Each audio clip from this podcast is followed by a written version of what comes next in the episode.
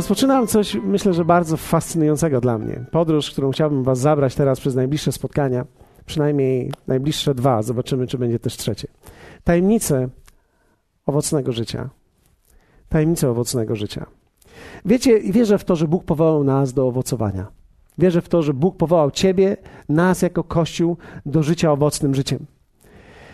Szczerze mówiąc, chciałbym, żeby to było proste. Gdyby to było proste, pięć tysięcy ludzi już tutaj siedziałoby i mówiłoby: Tak, to jest proste, wspaniale, dobrze, że tu jesteśmy. Tymczasem tak nie jest, ale tak nie jest, ponieważ to nie jest takie proste, to wymaga czasu, to wymaga trwania. Jezus sam powiedział w Ewangelii Jana, 15 rozdziale, wersecie 5: Ja jestem krzewem winnym, wy jesteście latoroślami. Kto trwa we mnie, a ja w nim, ten wydaje wiele owocu bo beze mnie nic uczynić nie możecie. Zobaczcie, kto trwa we mnie, nie wiem jak, jak, jak dla, dla ciebie to brzmi, dla nas to brzmi, ale trwanie nie brzmi dla mnie jak coś krótkiego. Trwanie to jest pewien życiowy proces. To nie jest coś, co chcę spróbować.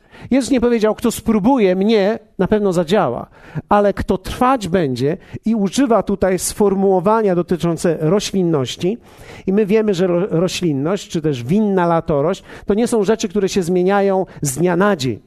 Wiecie, my w tej chwili jesteśmy w maju, w końcówce, gdzie wszystko tak wybuchnęło z tym życiem, prawda? E, ledwo nadężamy ci, którzy mają trawę, żeby kosić tą trawę. Ledwo nadążamy, żeby przycinać to, co jest, ponieważ to wszystko wybujało. Ale rzeczywiście w życiu tak nie jest, że rzeczy rosną tak szybko, bo nawet jak się zieleń pojawi, to owoc pojawia się później. I na owoc, szczególnie ten właściwy, trzeba pracować i nie chcę powiedzieć zapracować, bo wiecie, Jezus dał nam to już, ale my współpracując z Nim przynosimy ten owoc. Wiecie, ja ostatnio słuchałem e, kil, kilku rzeczy ciekawych i jedną z nich, tak parafrazuję teraz, pastora Roba Thompsona, ponieważ on powiedział takie zdanie, które ja sparafrazowałem to tak. Niemożliwe jest, aby człowiek żył bez wpływu. Tylko człowiek decyduje, pod jakim wpływem się znajduje. Inaczej mówiąc, to, co w Twoim życiu będzie się działo, będzie zależne od tego, co na Ciebie wpływa. I wtedy już, wtedy już nie masz wyjścia. To, co zdecydujesz, aby wpływało na ciebie najbardziej, będzie owocowało w tobie najszybciej. Więc my tak naprawdę mamy wpływ na to, pod jakim wpływem będziemy. I dopiero to tworzy w nas owoc życia, który jest ewidentny. Wiecie, kiedy patrzymy na człowieka, i widzimy na przykład tych, którzy żebra, żebrają na ulicy. Patrzymy na nich i od razu widzimy, że oni są pod wpływem. Nie wszyscy, ale wielu z nich jest pod wpływem. Pod wpływem alkoholu. I teraz to łatwo zobaczyć, że tak naprawdę i zobaczyć i zrozumieć, że to jest proces życia, który musiał zajść, to nie jest moment, który w życiu wybrali. Czyli w momencie, kiedy człowiek decyduje, żeby być pod jakimś wpływem, ten wpływ będzie kierował jego życiem. Tak samo jest z każdym człowiekiem. To, co wpływa na ciebie, będzie tworzyło ciebie. I owoc Twojego życia będzie zależał od tego, co Ty i ja zdecydujemy, żeby wpływało na nas. To jest moment, że można się uśmiechnąć, jeśli ktoś z Was myśli, że to nie jest radosna nowina. To jest radosna nowina. Człowiek nie decyduje o tym, jakie ma życie, ale o tym, w czym trwa, a to decyduje o tym, jakie ma życie. Jeśli, jeśli człowiek żyje non-stop w jakimś patologicznej rodzinie, gdzie jest w ciągłym lęku, bity, to nic dziwnego, że jest smutny, że boi się wyrażać swoje emocje że takie dziecko od razu widzimy i zauważamy je w szkole, zauważamy je na ulicy, dostrzegamy, że coś jest z nim nie tak. Dlaczego? Ponieważ wpływ tego, w czym jest i się znajduje, wpływa na niego i ono nie ma wyboru. Ono po prostu takie jest według wpływu, który jest. I Jezus powiedział: ja jestem krzewem winnym, wy jesteście latoroślami. Kto trwa we mnie, inaczej mówiąc, ja chcę być waszym głównym wpływem życia. Ja chcę wpływać na ciebie. Jezus mówi, ja mam sposób i istnieje sposób, aby tak naprawdę to, co jest we mnie, wpływało na ciebie. i wtedy przyniesiesz wiele dobrych owoców. Jezus pragnie, abyś ty przynosił w swoim życiu wiele dobrych owoców wiele dobrych owoców. Owoców w swoim życiu rodzinnym, owoców w swojej pracy, owoców ze swoimi dziećmi, owoców ze swoimi wnukami, owoców w relacjach, które masz, owoców nawet swojej pracy, owoców w portfelu, owocu w Twoim umyśle, owocu, który jest pokojem w Twoim sercu. To wszystko są owoce. To nie są dary. To wszystko są owoce zależne tak naprawdę od tego, pod czyim wpływem jesteśmy. Więc można powiedzieć, że wybór życia to wybór właściwej diety. Dlatego, że dieta to jest wpływ.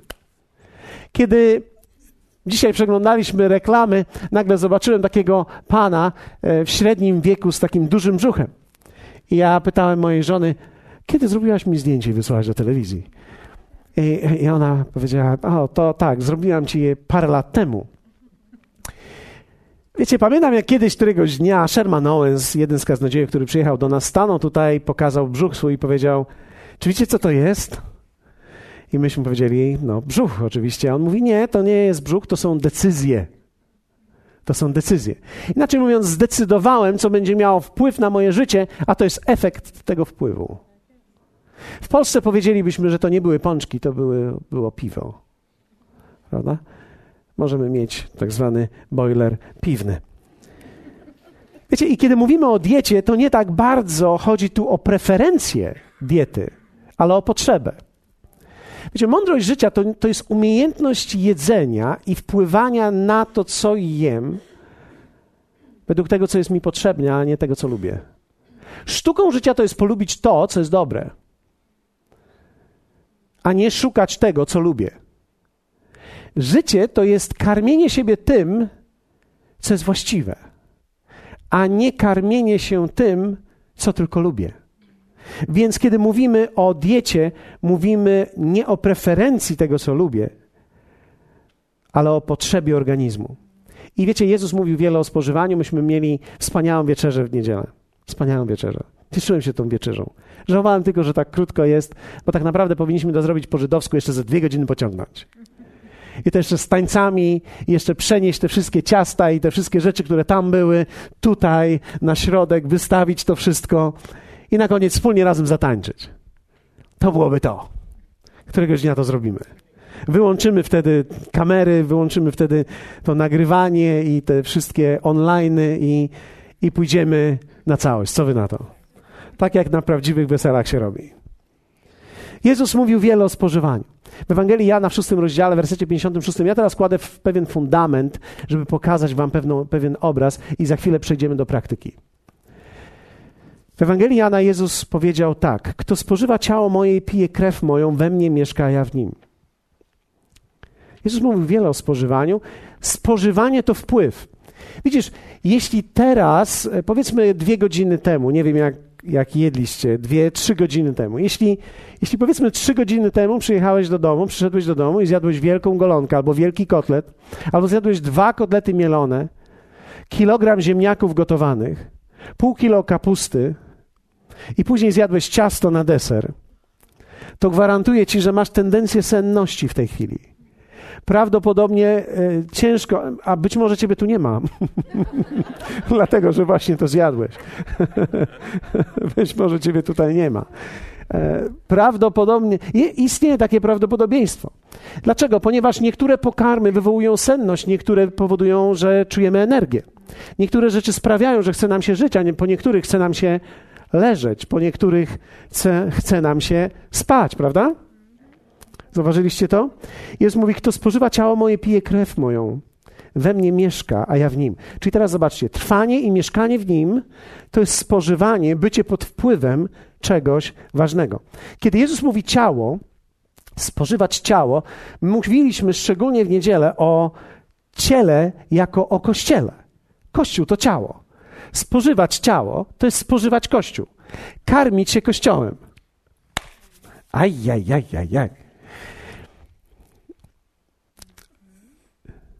Możemy powiedzieć, to, to jest bardzo ciekawe, to jest bardzo ciekawe. Wiecie, kiedy, e, nie mówiłem tego i nie mówcie tego nikomu, ale kiedy kapłan rozdaje komunię, mówi często Corpus Christi. Corpus Christi, ciało Chrystusa. W łacinie korpus to jest dokładnie ciało bez głowy. Inaczej mówiąc, kiedy otrzymujemy Corpus Christi, to tak jakbyśmy mówili, proszę bardzo, ciało bez głowy, ciało bez głowy, ciało bez głowy. Inaczej mówiąc, karmimy się nie nim samym, ale ciałem, w który jestem włączony. Dlatego włączenie, ludzie, z którymi jestem, mój mały kościół, moja mała grupa, to, w czym jestem i z kim jestem prawdziwie połączony. To jest karmienie się Kościołem. To jest karmienie się ciałem. To są dary, to jest obecność Boża, ale to jest również obecność człowieka. Posłuchajcie mnie. Jeśli chciałbyś wiedzieć, jak będzie wyglądało Twoje życie duchowe za parę lat, odpowiedź.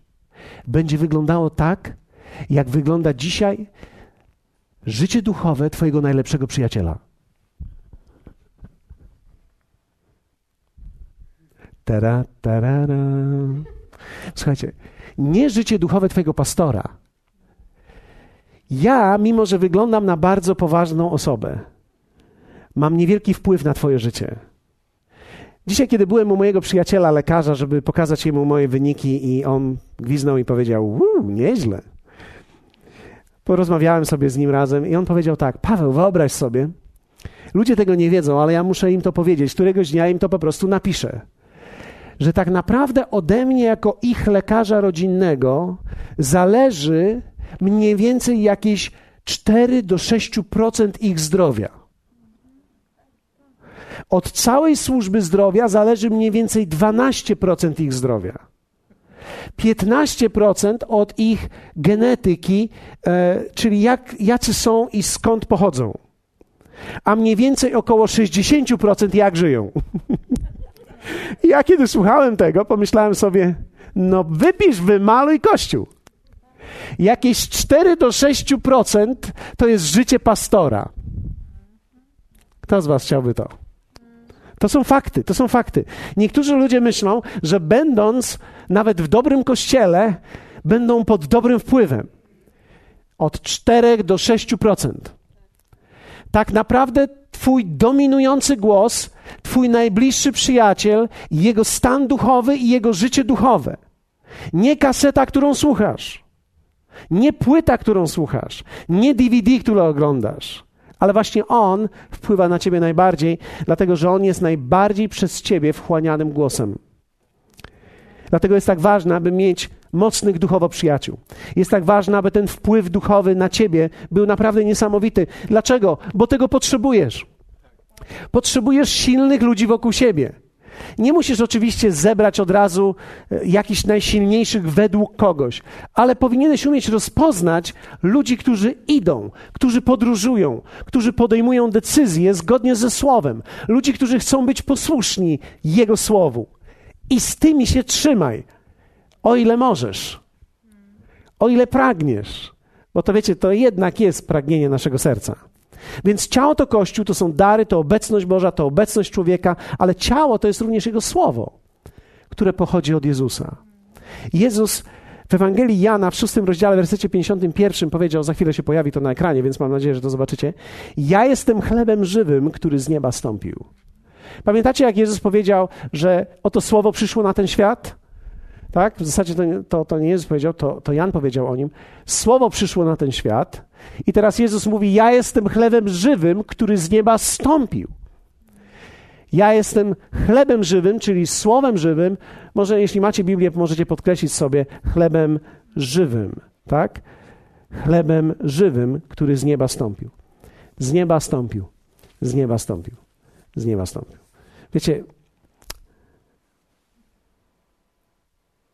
Okay. Kto z Was pragnie mieć owocne życie? Kto z Was pragnie mieć? Jesteś zdeterminowany, żeby mieć owocne życie. I kiedy mówię owocne życie, to nie oznacza chcę mieć pieniądze. Owocne życie to będą również pieniądze, ale nie tylko pieniądze. Owocne życie rozkłada się na wiele różnych aspektów. Zdrowie, które przychodzi od Boga, zawsze sprawia, że zdrowiejesz w najważniejszych punktach, dopiero później dochodzi do różnych innych, które chciałeś. Posłuchajcie mnie, ja jeszcze raz to powtórzę. Zdrowie, które przychodzi od Boga, sprawia, że najpierw zdrowiejesz w najważniejszych punktach przez Niego wyznaczonych, a dopiero później dochodzi do tych, które stają się Twoją preferencją, które chciałeś na początku uzdrowić. Każdy człowiek, który podąża za Jezusem dla swoich własnych preferencji, w końcu musi odejść. Jest niemożliwe, żeby został. Musi odejść. Dlatego też jest bardzo istotne, abyś pozwolił Bogu uzdrawiać siebie w całości. Ciało to słowo. Ja jestem chlebem żywym, który z nieba stąpił. I teraz e, jest jeden z kościołów, który bardzo mi przypomina Koszalin i Polskę. E, to jest w Nowym Testamencie, e, to jest Pergamon. W objawieniu 2:17 czytamy, Jezus powiedział tam takie zdanie do tego kościoła. E, możecie otworzyć Biblię. Ja, wiecie, zachęcam Was, abyście, jeśli mamy spotkania ze Słowem, mieli Biblię ze sobą. Dlatego, że jeśli, e, posłuchajcie mnie, jeśli nie przynosisz Biblii do kościoła, nie jesteś zainteresowany Słowem. Wiem, że brzmi teraz bardzo źle, ale muszę Wam powiedzieć to. Niezależnie od tego, jakie są Wasze emocje. Ponieważ w momencie, kiedy będziesz sam, to jest Twoja znajomość Biblii i umiejętność rozpoznania i znalezienia słowa da Ci życie. Nic innego. Posłuchajcie mnie, ja nie wiem, co robią inne kościoły i do końca mnie to nie interesuje, ale w wodzie życia chciałbym, żebyśmy, kiedy mamy środę, przychodź z Biblią. Prawdopodobnie środy kiedyś znikną.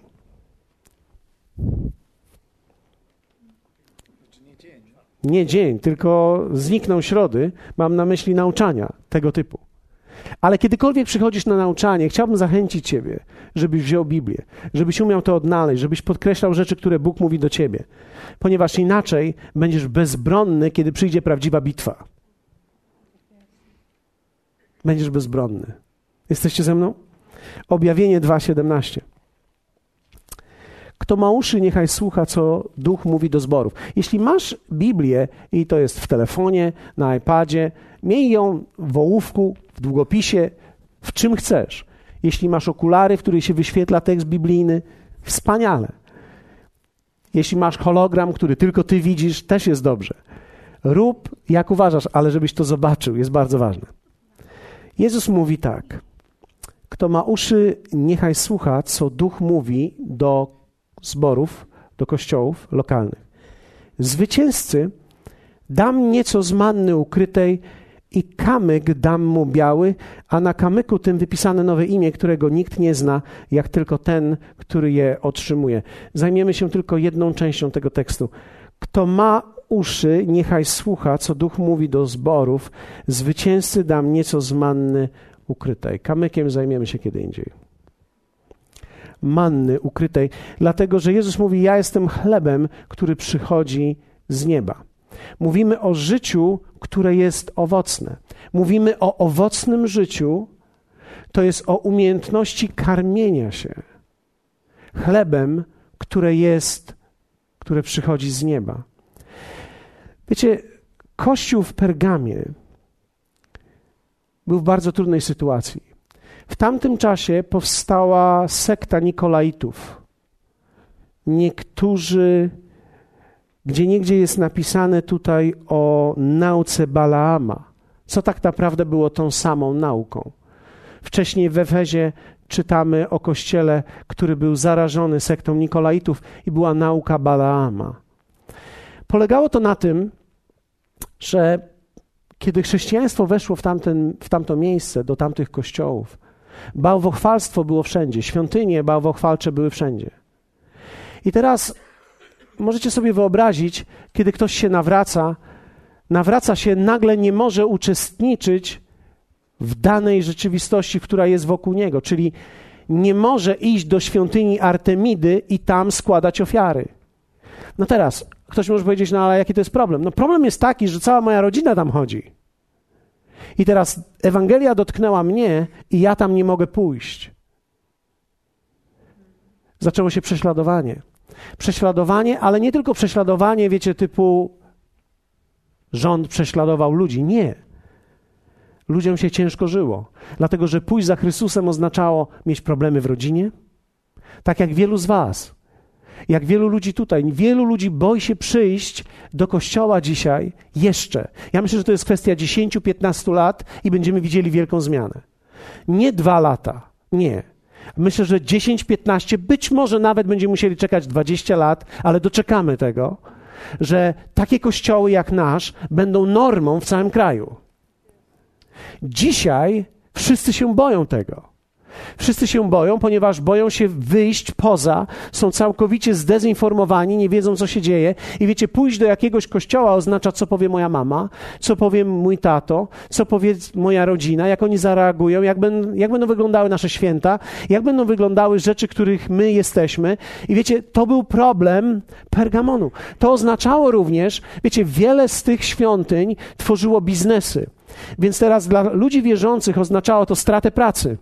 Wiecie, ludzie byli bez pracy, ludziom ciężko było znaleźć pracę. W momencie, kiedy byłeś wierzący, pewnych rzeczy wykonywać nie mogłeś po prostu. Ludzie czuli, że nie da rady. I teraz powstał pewien człowiek imieniem Nikolaos. Ciekawe, bo to słowo Niko to jest zwycięzca. I wiecie, tutaj w greckim jest pewna gra słów, za, za, za chwilę wam pokażę.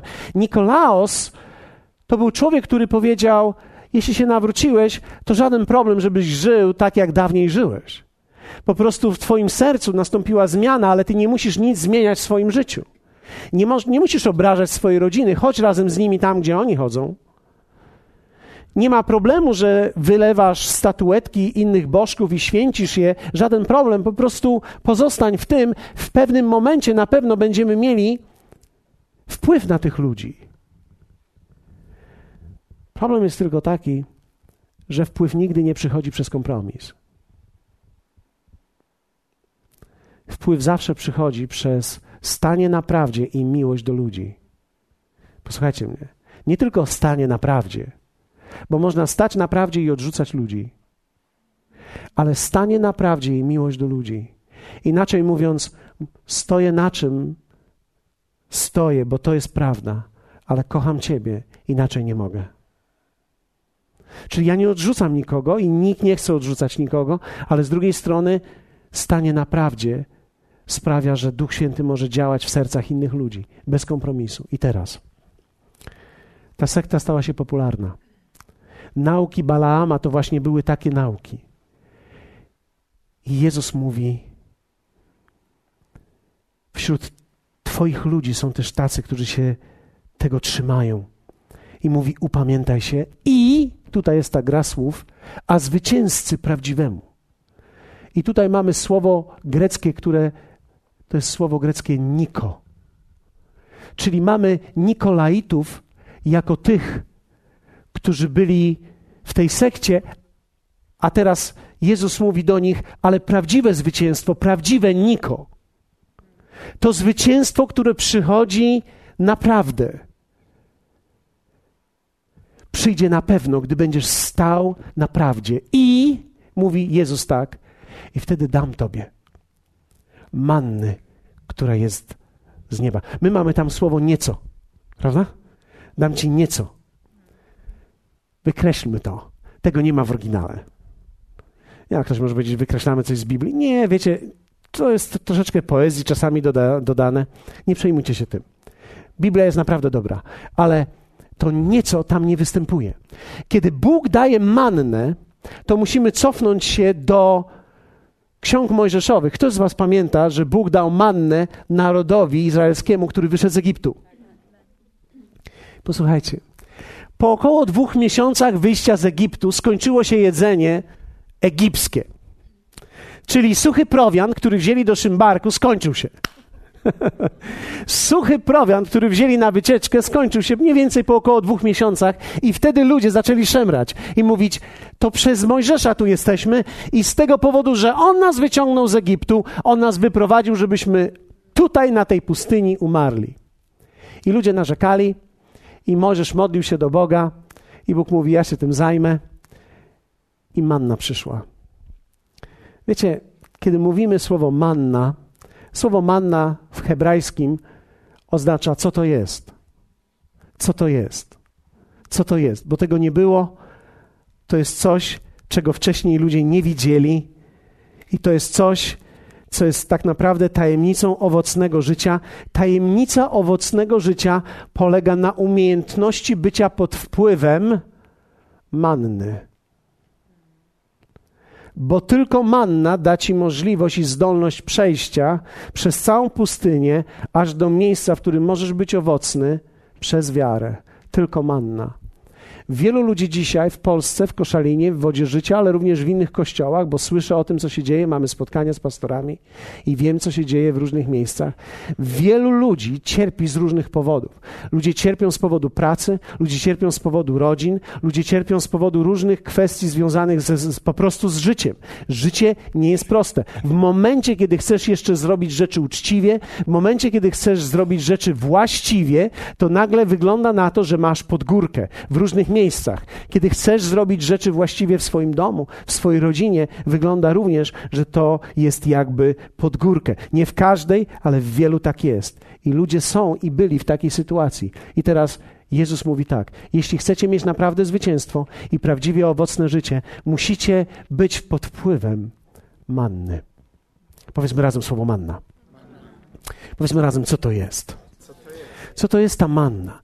Widzisz, kiedy człowiek się nawraca, kiedy człowiek się nawraca, zaczyna żyć przez wiarę, zaczyna funkcjonować przez wiarę, wychodzimy przez wiarę z Egiptu, zaczynamy żyć z Bogiem, ale po pewnym czasie każdemu z nas kończy się jedzenie.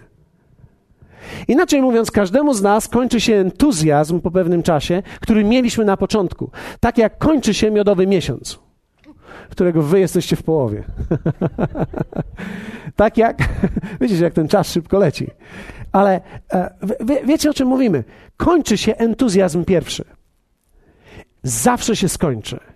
Zawsze kończy się entuzjazm pierwszy, zawsze kończy się entuzjazm i zaczyna się pewnego rodzaju praca, i zaczyna się pewnego rodzaju trudność, i zaczyna być ciężko. I to ciężko nie jest ciężko, bo z Bogiem jest ciężko, tylko Bóg daje ten obszar ciężkości i trudności, ponieważ On ma coś w zanadrzu dla każdego z nas, i tym czymś jest manna. W czwartej Mojżeszowej czytamy, Manna zaś była jak ziarno kolendra, a wygląd jej był jak żywica bdelium. Ludzie rozchodzili się i zbierali ją i mieli w żarnach albo mielili w żarnach albo tłukli w moździerzach i gotowali w garnkach i robili z niej placki. Smak jej zaś był jak smak placka na oliwie. Bóg uczynił, Biblia mówi, otwór w niebie. Inne tłumaczenia mówią okno w niebie dziura w niebie. Powiedzmy razem okno, otwór w niebie. W niebie. I teraz każdego dnia 4500 ton manny dziennie spadało z nieba, której nigdy nie widzieli której nigdy wcześniej nie doświadczyli. Więc kiedy mówimy o mannie, dam ci manny, to nie jest nieco manny, żebyś przeżył.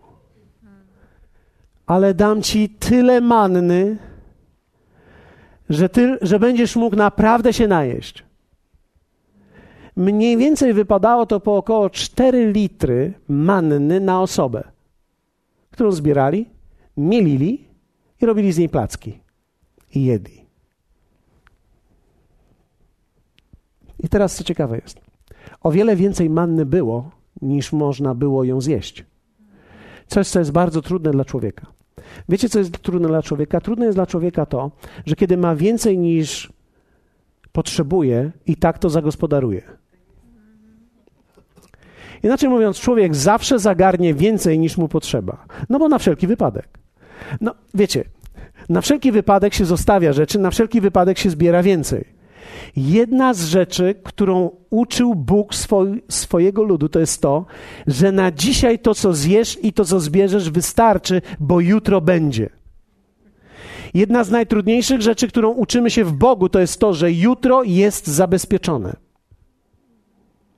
Nie musisz dzisiaj zabezpieczyć jutra. Posłuchajcie mnie. Ja nie mówię tutaj o planowaniu, czy o tym, że trzeba źle planować, że Bóg jest przeciwko planowaniu. Nie. Ja tylko myślę, że to jest dokładnie to trochę, co powiedział Artur, że każdy człowiek, który planuje i w swoich planach, i w swoim budżecie tak naprawdę niesie swoją wiarę i swoje zaufanie, przegrał z Bogiem. Dlatego, że w Bogu to, czego się wszyscy musimy nauczyć, to jest to, że jutro będzie, gdy dzisiaj jest, bo On się nie zmienia, On jest prawdą i zawsze będzie. Jedna z najtrudniejszych rzeczy to jest ufać Jemu na jutro. Wiecie, to jest trochę tak. Pamiętacie, Biblia czasami mówiła tak, jak mówili nasi ojcowie? Jak mówili nasi ojcowie? Dzisiaj mi się to przypomniało, kiedy mówię do mojego syna: Słuchaj, wszystko będzie dobrze. Kupiłeś sobie teraz trzy łyżki albo sześć łyżek, po dwa złote każda i pieniądze ci się skończyły, to jest w porządku. Na dzisiaj potrzebujesz te łyżki, na czajnik jeszcze nie masz, a czajnik przyjdzie może jutro, a czajnik przyjdzie za dwa dni, albo przyjdzie za trzy dni i to jest w porządku. Dlaczego? Bo ja znam Boga i wiem, że On zawsze przychodzi. I teraz On może powiedzieć, a gdzie są te wszystkie cuda, o których opowiadali nam nasi ojcowie? Dlaczego? Bo każde pokolenie musi doświadczyć cudo samo. Dlatego, że każdy człowiek musi sam chodzić przez wiarę. Ja nie mogę chodzić przez wiarę za niego, ja nie mogę za nich chodzić przez wiarę, oni muszą sami chodzić przez wiarę. Dlatego ostatnią rzecz, którą mogą otrzymać ode mnie, to jest wszystko to, co ja mam. Dlatego człowiek normalny otrzymuje to, co wszystko mieli rodzice po tym, gdy już rodziców nie ma. Ale prawdopodobnie to już jest moment, w którym on sam coś już zrobił. Jesteście ze mną? Wow. Owocne życie i tajemnica owocnego życia to jest umiejętność przyjęcia manny, która jest od Boga. Jezus powiedział: Nie martwcie się, że jest ciężko.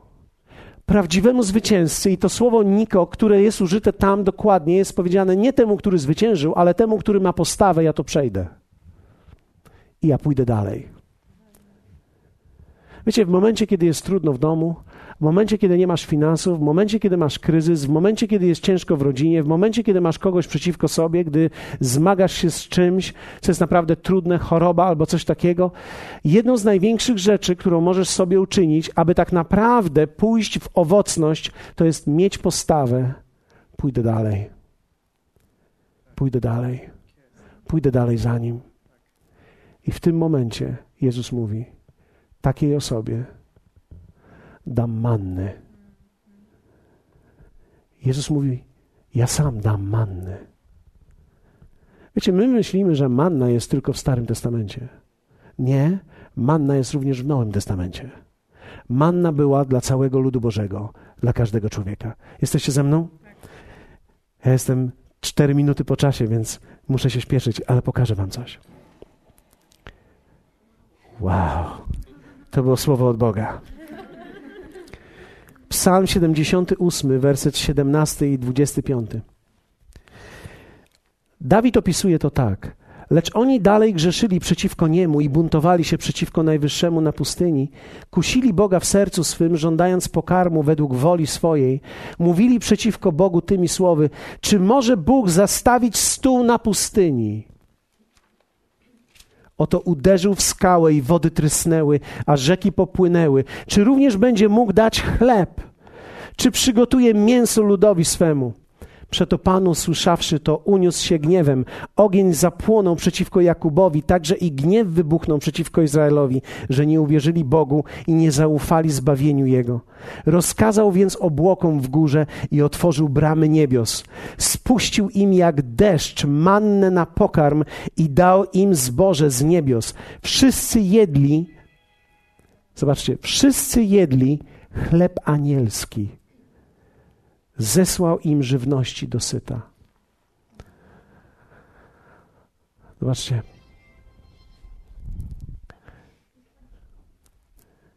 Jedli chleb anielski. Ponadnaturalny.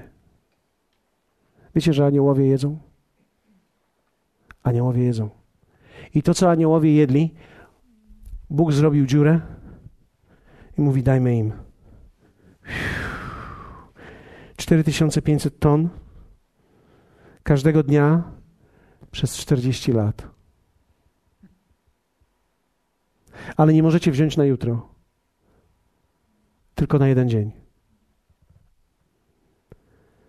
Cokolwiek będziesz spożywał, tak będziesz i żył, tak będziesz się czuł. To pokolenie, które tam było po latach, nie zaznało niczego innego. Wiecie, jest jeden tylko problem z manną. Ktoś może powiedzieć, jaki jest problem z tym, że mamy życie? Zaraz wam powiem, jaki jest problem. Manna się nudzi. Manna się nudzi. Manną można się znudzić. Czy wiecie o tym, że powstało pokolenie i było, urodziło się na pustyni pokolenie, które nigdy nie zaznało żadnego innego pożywienia, tylko manny? Byli ludzie, którzy mieli 5, 7 lat, 10 lat, 12 lat i po prostu byli przyzwyczajeni. Na drugi dzień manna. Za tydzień manna. W tą niedzielę manna. Następną środę manna. Jutro manna. Pojutrze manna. Oni nie znali Egiptu, oni nie znali tego, nie doświadczyli tego, oni wiedzieli po prostu tylko, że będzie manna. Gdy Bóg zaczyna karmić inne rzeczy w nas, wtedy możemy mieć problem. Widzimy to też w Jezusie. Wiecie, ja, ja staram się ruszać pewne tematy i, i, tak trochę proszę Was, abyście weszli w słowo ze mną razem, abyście otwierali też Biblię, abyście byli ze mną, abym nie został sam w tym, o czym mówię. Ale pamiętacie Jezusa, który powiedział: Jeśli nie będziecie jeść mojego ciała, nie będziecie mieli krwi, nie będziecie pili krwi, nie będziecie mieli życia w sobie. I wtedy wielu z nich odeszło. I wtedy Jezus odwrócił się do uczniów i powiedział: Wy również chcecie odejść? Wtedy Piotr powiedział: Gdzie mamy pójść? Ty masz słowa życia wiecznego. Inaczej mówiąc, ty masz mannę, którą ja potrzebuję. Ty masz mannę, ponieważ manna była słowem, ponieważ manna przyszła z nieba. Jezus mówi o sobie: Ja przyszedłem z nieba, ja jestem prawdziwy chleb, który z nieba wstępuje. Przez ten otwór ja jestem prawdziwym chlebem. I Jezus mówi temu, który ma taką postawę: Przejdę, dam mu mannę w pierwszej królewskiej czytamy fragment o Eliaszu. Pamiętacie Eliasza ze Starego Testamentu? Nie będę czytał tego fragmentu, ale Eliasz był prorokiem, który zwyciężył proroków Baala, pobił ich czterystu i wyciął ich pień. To byli prorocy królowej Jezabel i króla Ahaba. I po tym, kiedy królowa Jezabel dowiedziała się, że Eliasz zabił tych wszystkich jej proroków, powiedziała: Ja cię dopadnę, ja cię doścignę. Wiecie co, człowiek może żyć przez wiarę przez jakiś czas i żyjąc przez wiarę, każdy człowiek może się zmęczyć. Ja wiem, że to jest sprzeczne dla niektórych z Was, ponieważ niektórzy myślą, życie w wierze na pewno nie męczy. Życie w wierze jest w stanie dotknąć Ciebie pewnym zmęczeniem. Człowiek może dojść do miejsca zmęczenia, dlatego że człowiek żyje w wierze, oczekuje, oczekuje, oczekuje i nie widzi i potrzebuje znaku. Ok? Ktoś z Was był w takim miejscu? Ktoś z Was może jest w takim miejscu. Niektórzy będą w takim miejscu. I wtedy wiemy, że Eliasz zaczął uciekać. Zaczął uciekać i usiadł pod drzewem i zasnął. I pierwsza królewska 19:2:8 opowiada tę historię. Położył się pod krzakiem jałowca i zasnął. I czytamy, lecz oto dotknął go anioł i rzekł do niego: Wstań, posil się. A gdy spojrzał, oto przy jego głowie leżał placek upieczony i dzban z wodą. Posilił się więc i znowu się położył. Lecz anioł przyszedł po raz drugi, dotknął go i rzekł: Wstań, posil się, gdyż masz daleką drogę przed sobą. Wstał więc i posiliwszy się, szedł w mocy tego posiłku czterdzieści dni i czterdzieści nocy, aż do góry Bożej Choreb. Anioł przyszedł, kiedy on spał. Wiecie, sen oznacza depresję i zmęczenie. Owocne życie i tajemnica owocnego życia to jest umiejętność przejścia zmęczenia i zmagania. Czuję się troszkę tak jak trener, który próbuje trenować zespół albo biegaczy, który chce powiedzieć: Tajemnica zwycięstwa do biegnięcia tam i leży w tym, że kiedy mniej więcej w tym miejscu, w połowie albo w jednej trzeciej drogi złapie cię kolka albo będzie ci ciężko, po prostu nie zatrzymuj się. Musisz biec dalej.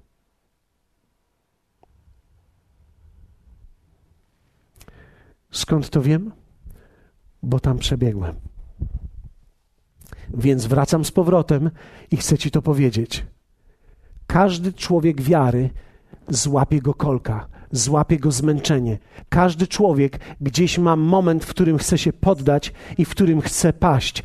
I wtedy człowiek zasypia, i wtedy człowiek jest w depresji czasami, nie wiesz, co masz zrobić. I Jezus mówi: Każdemu, kto będzie miał tą postawę, ja to przejdę, przyjdę i dam mu manny. Dam mu placek. Anioł w Nowym Testamencie jest symbolem pastora. Kiedy Bóg, kiedy Jezus mówił do kościołów, mówił: Powiedz do anioła zboru, powiedz pastorowi, niech powie ludziom. Ja nie mam nic wspólnego z aniołem, ale Biblia nazywa nas aniołami dla ludzi. Ja siebie tak nie nazywam, moja żona mnie tak nie nazywa i moje dzieci mnie tak nie nazywają. Moje psy tylko w to wierzą, ale Oprócz tego nikt więcej, ale Biblia nie tak nazywa. Anioł budzi go. Anioł przychodzi i budzi go. I daje mu placek, który jest już gotowy. Nie musi nic zbierać. Jest już przygotowany dla niego i mówi: Posil się. On je, jest tak zmęczony, że zasypia znowu. Znowu go budzi. Daje mu placek. On je i wtedy wstaje. I o mocy tego posiłku idzie 40 dni i 40 nocy. Tajemnica owocnego życia leży w tym, że człowiek musi znaleźć swoją mannę i swój placek, gdy jest zmęczony i gdy jest mu trudno. Musisz być połączony z ludźmi, musisz być w kościele, musisz być w miejscu, w którym anioł może obudzić ciebie.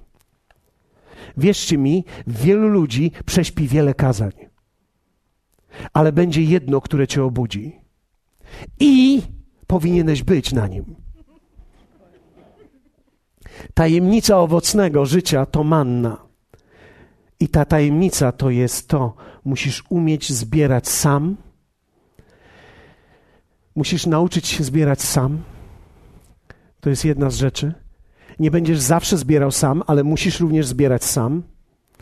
Wiecie, każdy człowiek umarł z głodu, który nie wyszedł z namiotu i nie uzbierał dla siebie. Więc jeśli nie umiesz zbierać manny sam, czyli słowa, które jest od Niego sam, Twoja osobista relacja ze Słowem, nigdy nie przeżyjesz. Jeszcze nie spotkałem żadnego chrześcijanina, który ma się dobrze, który nie ma dobrej relacji ze Słowem Bożym, który nie kocha tej księgi, mimo że jej nie rozumie. To jest tak jak z żoną. Nigdy jej nie zrozumiesz. Zawsze powinieneś ją kochać i mieć przymierze z nią. Ktoś może powiedzieć, jak można kochać księgę, której nie rozumiem? Tak jak kochasz żonę. Dokładnie to samo. Nigdy jej nie zrozumiesz i nawet nie będziesz wiedział, o co jej chodzi w dniu, w którym myślisz, że wiesz, o co jej chodzi. Po prostu musisz się przez życie tylko nauczyć, że udajesz, że wiesz o co jej chodzi.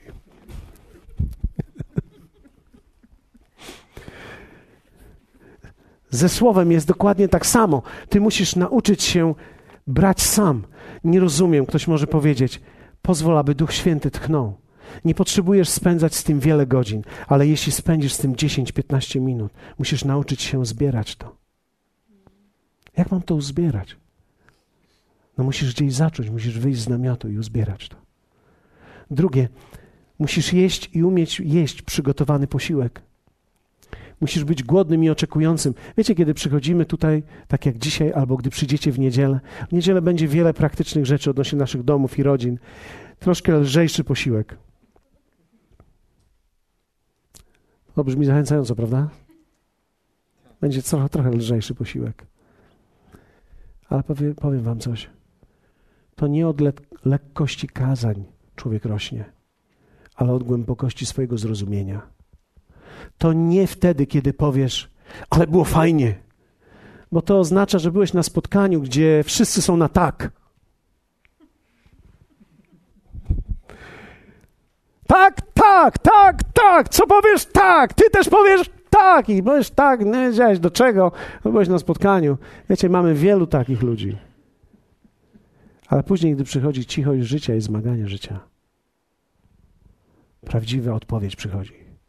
I prawdziwa odpowiedź przychodzi dla ludzi, którzy potrafią zbierać sami i potrafią jeść przygotowany posiłek, ponieważ ja jestem kucharzem.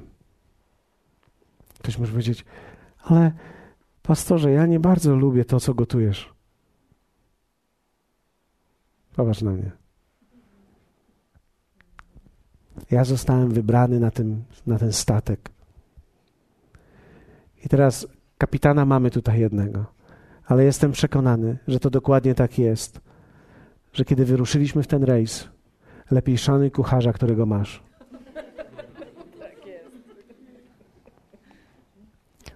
Dobrze, że on nie pochodzi z innej półkuli. Dobrze, że on pochodzi z tej półkuli. Bo jak masz kucharza na statku z innej półkuli, z której ty się urodziłeś, to też jest inaczej. Sypie co innego, smak ma inny i, i wsuwacie co innego. Jak masz Chińczyka, masz non-stop chińskie potrawy. My mamy tutaj koszalińskie, polskie, prawdziwe pyzy. Ktoś może powiedzieć, o, ja nie wiem, czy to jest, ja nie wiem, czy to jest, e, nie wiem, czy to jest fajne. Wiecie, w kościele musimy przejść to, że zbieramy i uczymy się i przychodzimy na spotkania, bo jest fajnie. To jest potrzebne do Twojego życia. To jest troszkę tak, jak wszyscy jesteśmy na tak, idziemy teraz wszyscy do sił, na siłownię się zapiszemy wszyscy. I jak się zapiszemy 30, to będziemy mieli super zniżkę. Po roku czasu tylko nam koszulki zostały. W które już nie wchodzimy. Wiecie, Kościół nie jest siłownią najnowszą w mieście. Ma 30 bieżni. Nie potrzebujesz 30 bieżni. Ty potrzebujesz jedną. Nawet jeśli będziesz szczery, to nawet bieżni nie potrzebujesz. Po prostu załóż trampki i wyjdź na dwór. Wiecie, czasami wydaje nam się, że potrzebujemy takich niesamowitych sprzętów. Potrzebuję telewizor 30 calów, cali przed sobą, 60 najlepiej i bieżnie, żebym oglądał i miał 64 programy przed sobą, bo przecież właśnie o to chodzi. Nie. Manna, którą sam zbierzesz manna, którą upiekę dla ciebie. Będzie posiłkiem dla ciebie. Może powiesz, mm, okej, okay. jaki placek na oleju, okej. Okay. Co tym wielkiego? To nie tort, to placek na oleju. Okej. Okay. Ale widzisz, na tym placku pociągniesz 40 dni i 40 nocy i dojdziesz do Bożej Góry Choreb. I ostatnia rzecz to jest to, że musisz uczyć się jeść z innymi. Dlatego, że kiedy czytamy pierwszy list do Koryntian, widzimy, jak apostoł Paweł mówi: Wiecie co, wy jak się schodzicie, to jeden jest najedzony, drugi jest głodny, jeden jest pijany, a drugi nic nie dotknął. Wiecie, to jest umiejętność spożywania razem, czyli Twoja mała grupa, ludzie, z którymi jesteś, czym się dzielisz, co masz w sercu. Czy rozmawiacie ze sobą jako chłopak i dziewczyna o Słowie Bożym? Czy rozmawiacie o tym, co przeżywacie? Zresztą będziemy rozmawiać, jak się będziemy po ślubie. To jest za późno już. To już jest za późno. Teraz. Jeśli nie wystartowaliście, zróbcie to teraz. Zróbcie to dzisiaj wieczorem. Idźcie do McDonalda i podzielcie się. to jest dokładnie to. Czy dzielicie się, czy rozmawiacie? Czy, czy wspólnie razem jemy? Czy gdy idziemy na kawę, czy rozmawiamy o tym tylko, co jest nieistotne, czy też umiemy rozmawiać o tym, co jest istotne? Czy jesteśmy prawdziwi w tym, co przeżywamy i czy dzielimy się, czy mamy ludzi, z którymi możemy się pomodlić, nie tylko wypić kawę, ale pomodlić się o nasze problemy, przez które przechodzimy, bo to jest wspólne jedzenie. Kościół może wyglądać tak, że jeden jest przejedzony i leży, a już mam 600 nauczań przesłuchałem. Takich ludzi też mieliśmy. Przesłuchałem 600 nauczań już po prostu tak mi się tą manną odbija, że mi się do kościoła już nie chce chodzić i teraz stwierdzam wobec wszystkich i wszemi wobec powiem, nie ma sensu chodzić do kościoła. Kościół to tam, gdzie ja i mój brzuch. I internet, aby tylko internet był, bo jak zgłodnieje, to mi się przyda. To nie jest. Widzisz, w życiu nie chodzi o to, żeby się raz najeść na całe życie. W życiu chodzi o to, żeby być regularnym i żeby się nie przejadać.